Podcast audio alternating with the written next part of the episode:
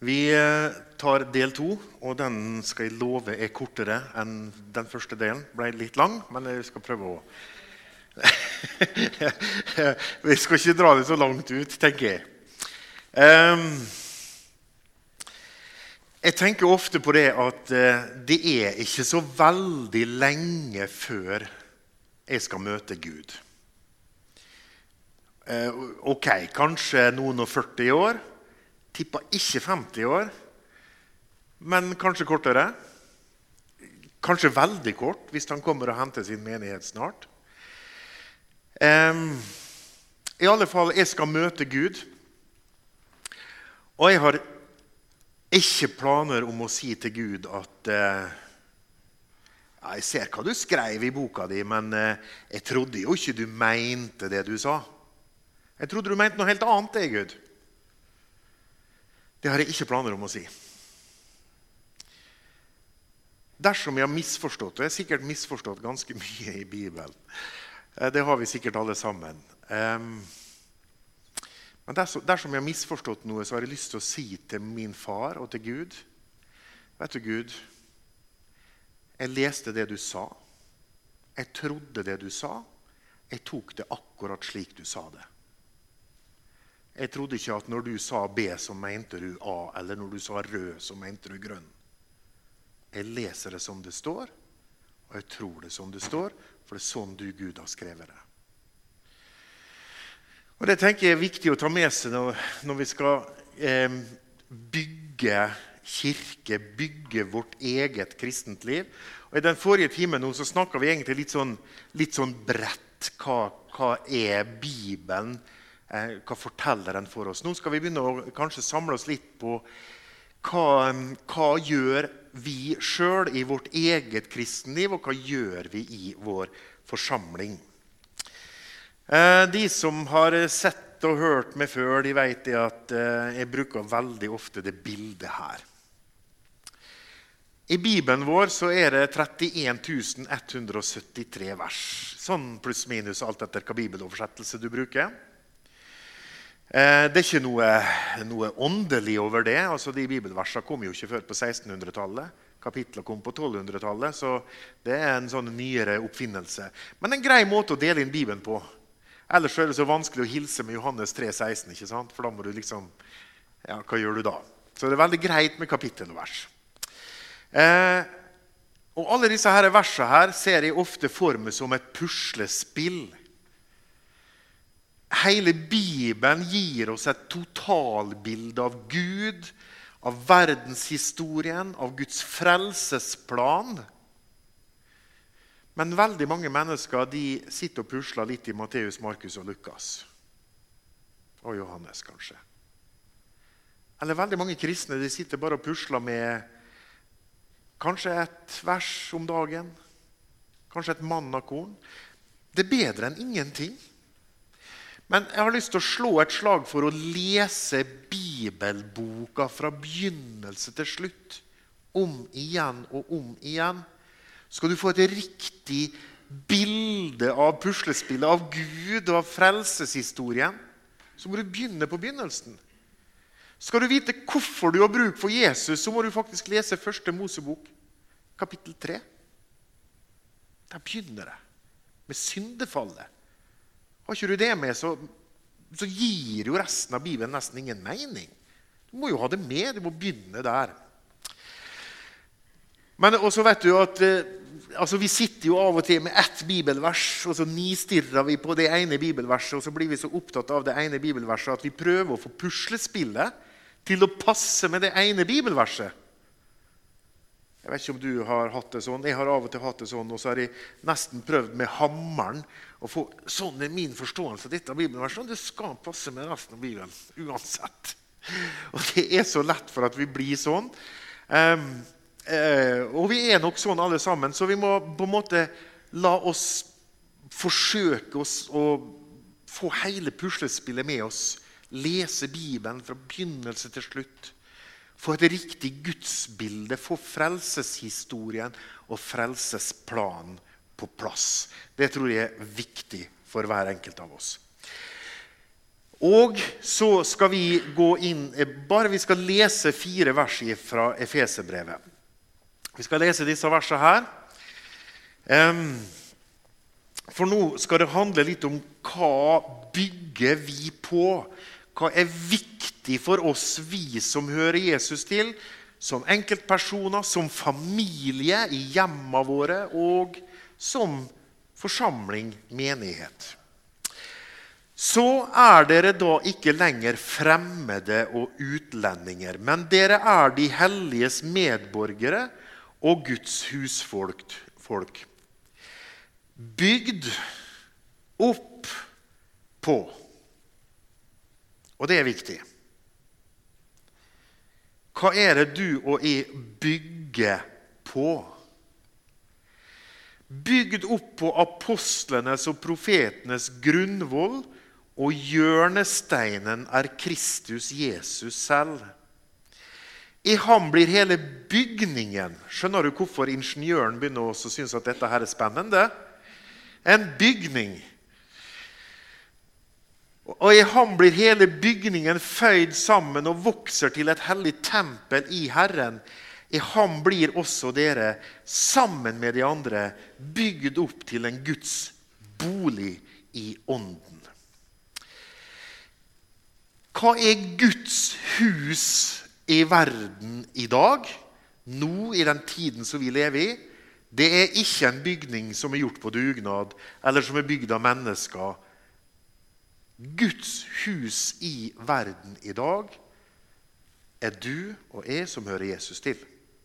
Det er vi som utgjør Guds bygning på jord. Det er ingen fysiske byggverk som heter Guds hus. Det er mange som kaller det for det, men i bibelsk forstand så er det ikke det.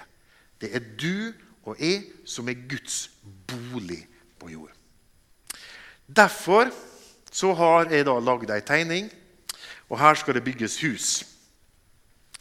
Eh, og Det er veldig greit å ha med seg sånne tegninger i, i, hodet. og Bibelen er praktisk når han prøver å forklare oss ting. Og her skal vi nå bygge noen ting.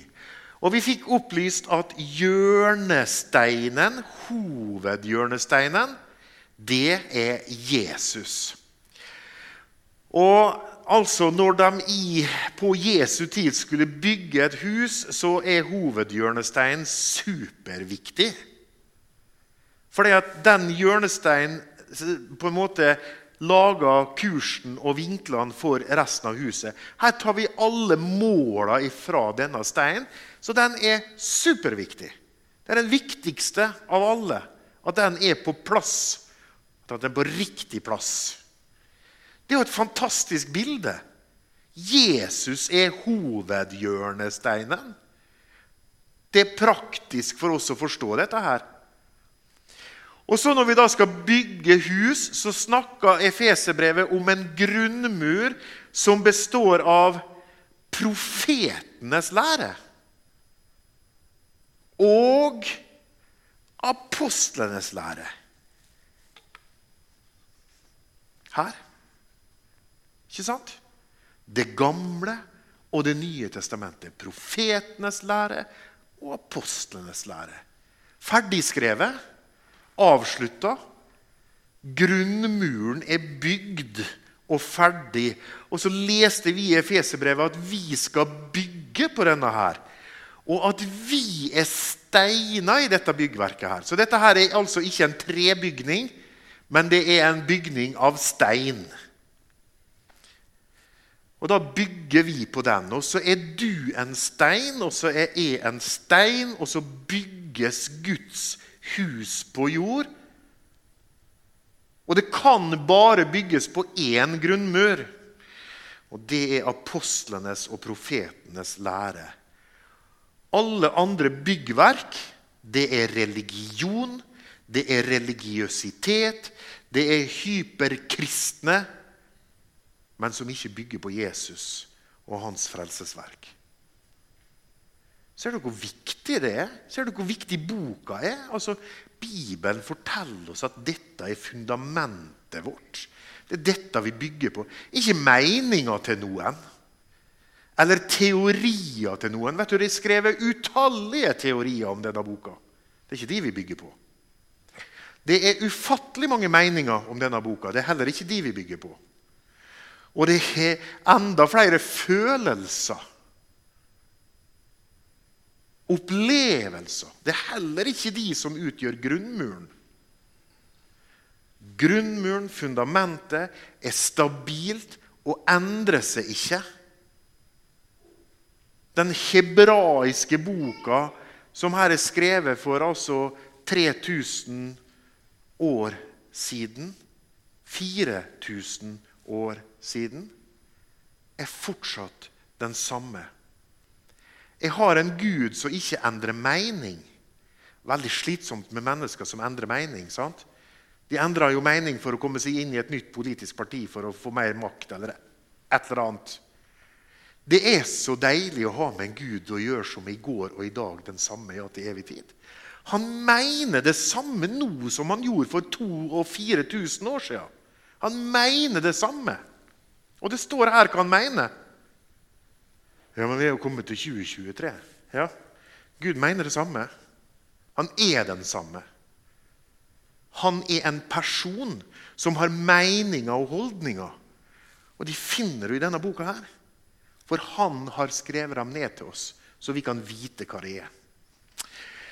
Og Derfor så blir denne her bygningen solid, føyd sammen og holder seg. Hva var det vi leste? En gang til. Dere er de helliges medborgere og Guds husfolk. De som hører Jesus til, de som er født på ny, er bygd opp på apostlenes og profetenes grunnvoll Husker du bildet nå? Grunnmuren.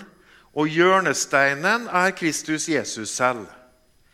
I ham, i Kristus Jesus, i hjørnesteinen, blir hele bygningen føyd sammen. Og så vokser den til et hellig tempel i Herren. I ham blir også dere, sammen med de andre, bygd opp til en Guds bolig i ånden. En åndelig bolig.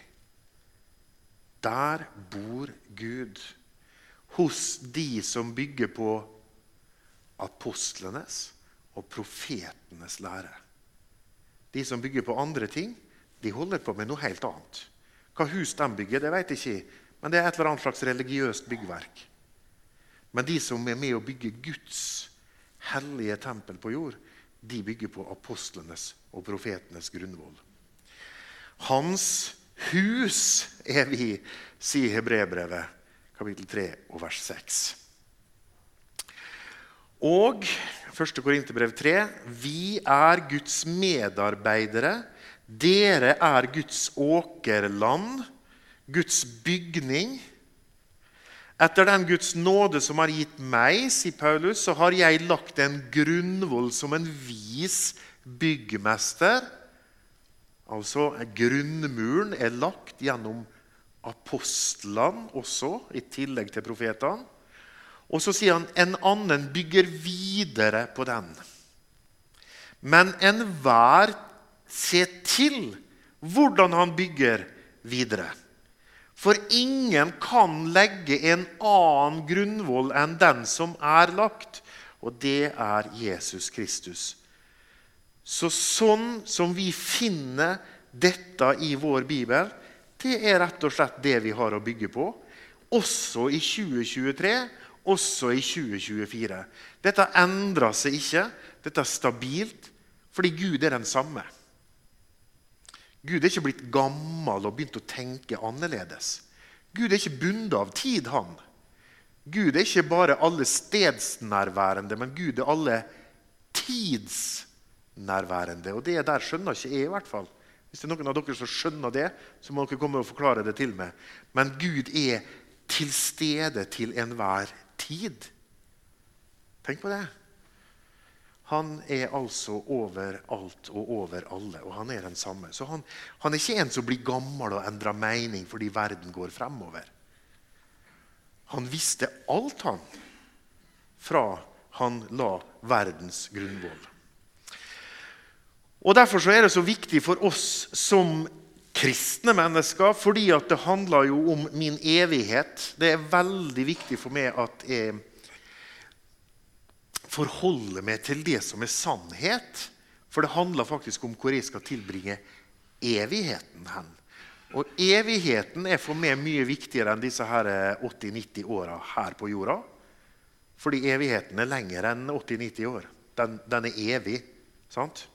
Så det er jo tross alt superviktig å vite at jeg har fått tak i den riktige sannheten. At de ikke bare stoler på at ja, ja, han sa at det går greit for meg hvis de tror på denne måten, og så tar jeg sjansen på at evigheten går bra. Nei, jeg må faktisk finne ut av på egen hånd, lese i denne boka, finne ut at dette er sant. Det er troverdig ord. Det er noe å bygge hele livet sitt og evigheten på. Om jeg så blir den eneste Altså om, er, om, alle andre ler av meg og syns at dette her er helt tåpelig, det spiller ingen rolle, for det at jeg har funnet sannheten i denne boka. Det bygger livet mitt på.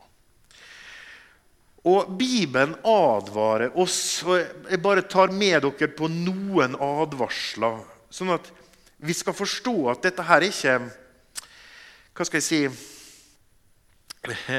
Det er ikke oppkonstruert at vi blir angrepet med løgn. For det, det advarer Bibelen oss veldig ofte om. Jesus han sier, 'Vokt dere for de falske profetene.' De kommer til dere i fåre ham, men innvendig er de glupende ulver. Så vi har fått beskjed om å bygge på profetenes lære. Men så sier Jesus at vi må vokte oss for noen. Og de noen, de har vært der hele tida. Og Da må vi også tenke gjennom i dagens situasjon, hvor det er fryktelig lett å få tak i både eh, undervisning om det ene og det andre på Internett og overalt.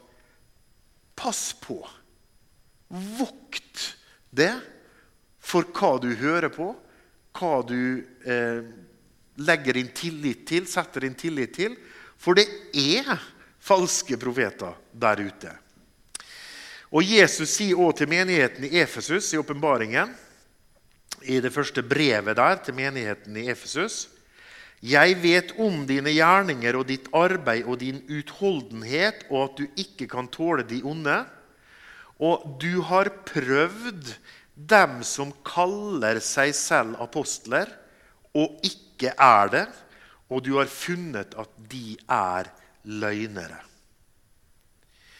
Så han skryter av menigheten i Efesus at de har avslørt løgnere som påstår de er apostler. Påstår at de kommer med budskap fra Gud. Det er aktuelt i dag òg, det. Falske profeter, falske apostler, falsk forkynnelse, falskt evangelium. Ja. Hvor eh, tilstedeværende er evangeliet i ditt liv, i din familie, i din forsamling. Bare se på det som eh, Paulus skriver til galaterne. Det var jo en helt konkret sak som var kommet inn i menigheten. Jeg skal ikke nevne noe mer om det. Men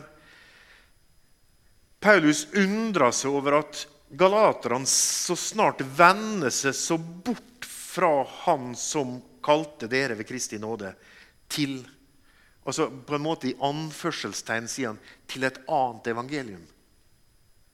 Men, men, det finnes ikke noe annet evangelium. Så, så det, det, er noe galt med dette såkalte evangeliet. Og det er bare noen som forvirrer dere og vil forvrenge Kristi evangelium. Og hvis du tror at dette bare var en engangshendelse som gjorde at han måtte skrive Galaterbrevet, så dessverre så er det ikke sånn. Det er fortsatt noen som forvrenger evangeliet. Og så sier Paulus.: Men selv om vi eller en engel fra himmelen skulle forkynne dere et annet evangelium enn det vi har forkynt dere, han være forbannet. Jeg har ofte tenkt når jeg har lest det bibelverset der, hvor mange forsamlinger Hvor mange forsamlinger, og bedehus og menigheter hadde denne engelen blitt kasta på dør ifra? Er vi, er vi så trygge på Guds ord? Er vi så solid festa i sannheten i Guds ord at om det så kom en engel her og forkynte et annet evangelium, så var vi så trygge på evangeliet og på sannheten i Skriften at noen i forsamlingen hadde reist seg og sagt Du, engel, være forbannet, for det er falskt evangelium. Jeg kjenner at det hadde sittet langt inne å gjøre. altså. Kjenner det. Men, men hva er det Bibelen prøver å forklare oss? da? Vi, vi, må vite hva vi tror på her. sant? Vi må ikke bare følge en eller annen strøm eller en mengde. For disse her strømmene og disse her mengdene de, jeg synes de begynner å spre seg i ganske mange retninger etter hvert. Langt inn i bedehusflokken så begynner det å bli ganske mye rart. Og jeg vil ikke altså tøyse med min egen evighet bare fordi det var en eller annen kult menneske eller en troverdig person. Jeg må faktisk vite hva er den ekte sannheten. Og vi er jo blitt advart. Jeg vitner for Gud og Kristus Jesus, som skal dømme levende og døde, og ved Hans komme Hans rike. Forkynn ordet. Vær rede i tide og utide. Overbevis, irettesett og trøst. Med all tålmodighet og lære. For det skal komme en tid da de ikke skal tåle den sunne lære, men etter sine egne lyster skal de ta seg lærere i mengdevis etter det som klør i øret på dem. De skal vende øret bort fra sannheten og venne seg til eventyr. Men vær du edru i alle ting. Så han har jo advart oss, da. Det er mennesker og lærere der ute som lærer masse rare ting. Så vi må være påpasselige. Det er så lett for å følge etter noen som høres veldig karismatisk og flott og veltalende og det høres så godt og riktig ut. Men da er spørsmålet har du lest denne boka to ganger, tre ganger, fire ganger, fem ganger? Ti ganger? Sånn at du veit hva den evige Gud sier, så du ikke lar det lure. Sånn at du faktisk bygger på apostlenes og profetenes grunnvoll. Å, det er jo superviktig. Det er jo det. Det gjelder din og min evighet. Det gjelder, altså, Hvor skal jeg være hen i evigheten? Jeg vil jo vite hva som er sant. At jeg ikke lar meg lure av en eller annen lærer. Så det er så superviktig å ikke tro et øyeblikk på det som han Jon Roger står her og sier. Ikke sant? Hva presten og, og pastoren og hvem som helst har sagt. Eneste stedet du finner sannheten, er her. Det er den eneste boka hvor Gud sier han har innblåst sin ånd i. Så det er, det er jo for vår personlige trygghet og sannhet. Dersom, ja, Timoteus brev videre. Dersom noen farer med fremmed lære og ikke holder seg til vår Herre Jesu Kristi sunne ord og den læren som hører til Guds frykt, da er han oppblåst og forstår ingenting. Han er bare syk etter stridsspørsmål og ordkrig.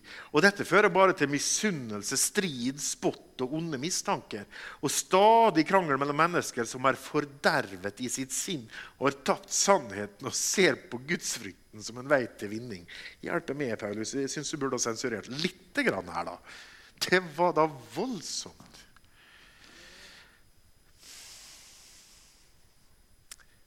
Eh, det er kanskje de som har lest Bibelen færrest ganger, som uttaler seg høyest og mest påståelig. Jeg vet ikke om du har lagt merke til det.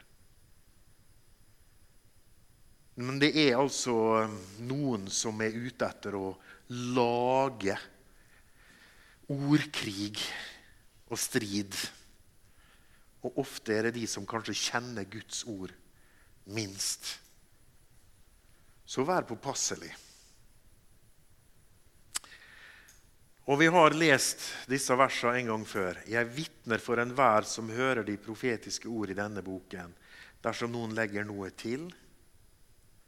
Jeg forstår ikke at noen tør. Og dersom noen tar noe bort, jeg forstår ikke at noen tør. Jeg bøyer meg for Gud. Jeg bøyer meg for det han har sagt. Du skjønner at det er, ikke, det er ikke alltid vi skal forstå det Gud sier, men han ber om lydighet. Hva tror du det skjedde i Edens hage når Gud sa at eh, eh dere skal få spise av all frukten i denne hagen, men, men, ikke av det treet der borte? Det får dere ikke spise av. Tror du det hadde vært eh, skriverier i dagen, eller? Altså, Vi må jo kunne tenke sjøl at eh, det er jo ikke noe verre å spise denne frukten der enn andre. og Hvis vi setter inn i en etisk målestokk i dag, i 2023, så, så, er det jo ikke noe galt å spise denne frukten av det treet der. Er det diskusjon Gud vil ha?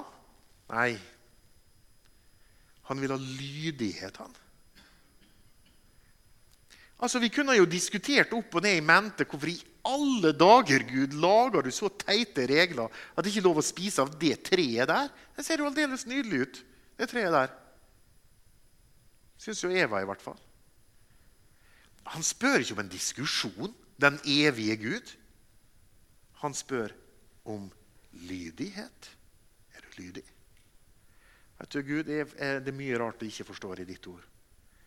Men du er Gud, altså. Så enkelt er det. Jeg bøyer meg. Og det er klart at dette her er jo eh, Det her er jo alvoret i dette her òg. Eh, på den dagen så skal mange altså, Se hva Jesus sier, da.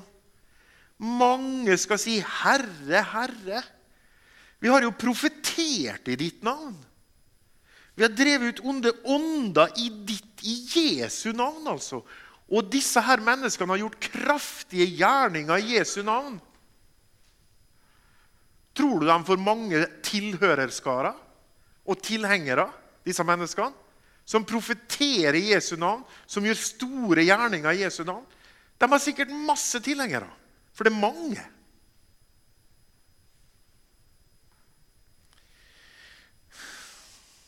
Jesus sier han har aldri kjent dem. Aldri. Han har aldri kjent dem. Så det er noen der ute folkens, som er glupskende ulver og prøver å få tak i noen mennesker som kanskje ikke har lest sin bibel, som kanskje ikke helt veit hva de tror på, og som er litt lett å få med seg. En eller annen fin og flott følelse eller bevegelse.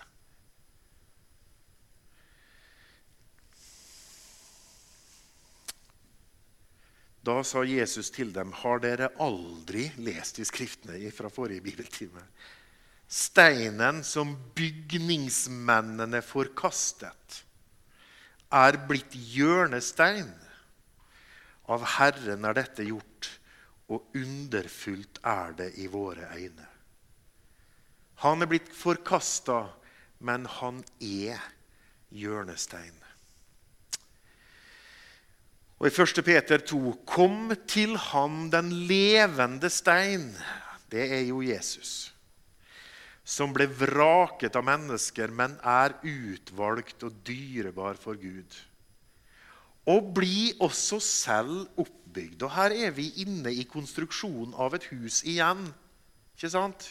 Gud forsøker å gi oss gode knagger å henge dette her på. Bli selv oppbygd som levende steiner til et åndelig hus, til et hellig presteskap, til å bære fram åndelige offer, slike som er Gud til behag, ved Jesus Kristus.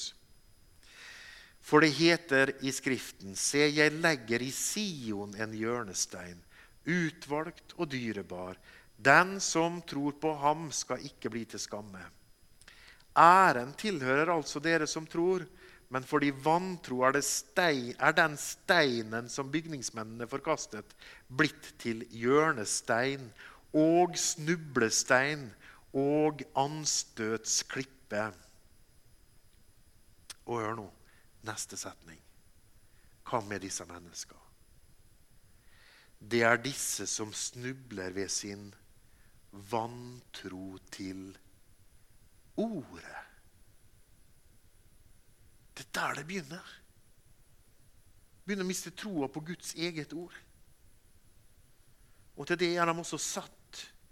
Men dere er en utvalgt ett, et kongelig presteskap, et hellig folk, et folk til eiendom, for at dere skal forkynne Hans storhet, Han som kalte dere fra mørket til sitt underfulle lys.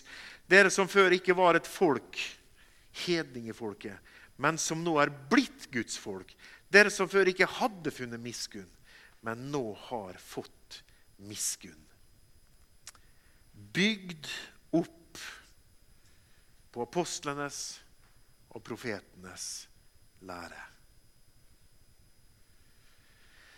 Så jeg vil vitne med Paulus. Jeg tror alt. Og når det står 'alt', så tror jeg alt. Alt som er skrevet hos profetene og i loven, i hele Det gamle testamentet, som var det som Paulus hadde å forholde seg til. For det nye var ikke skrevet ennå.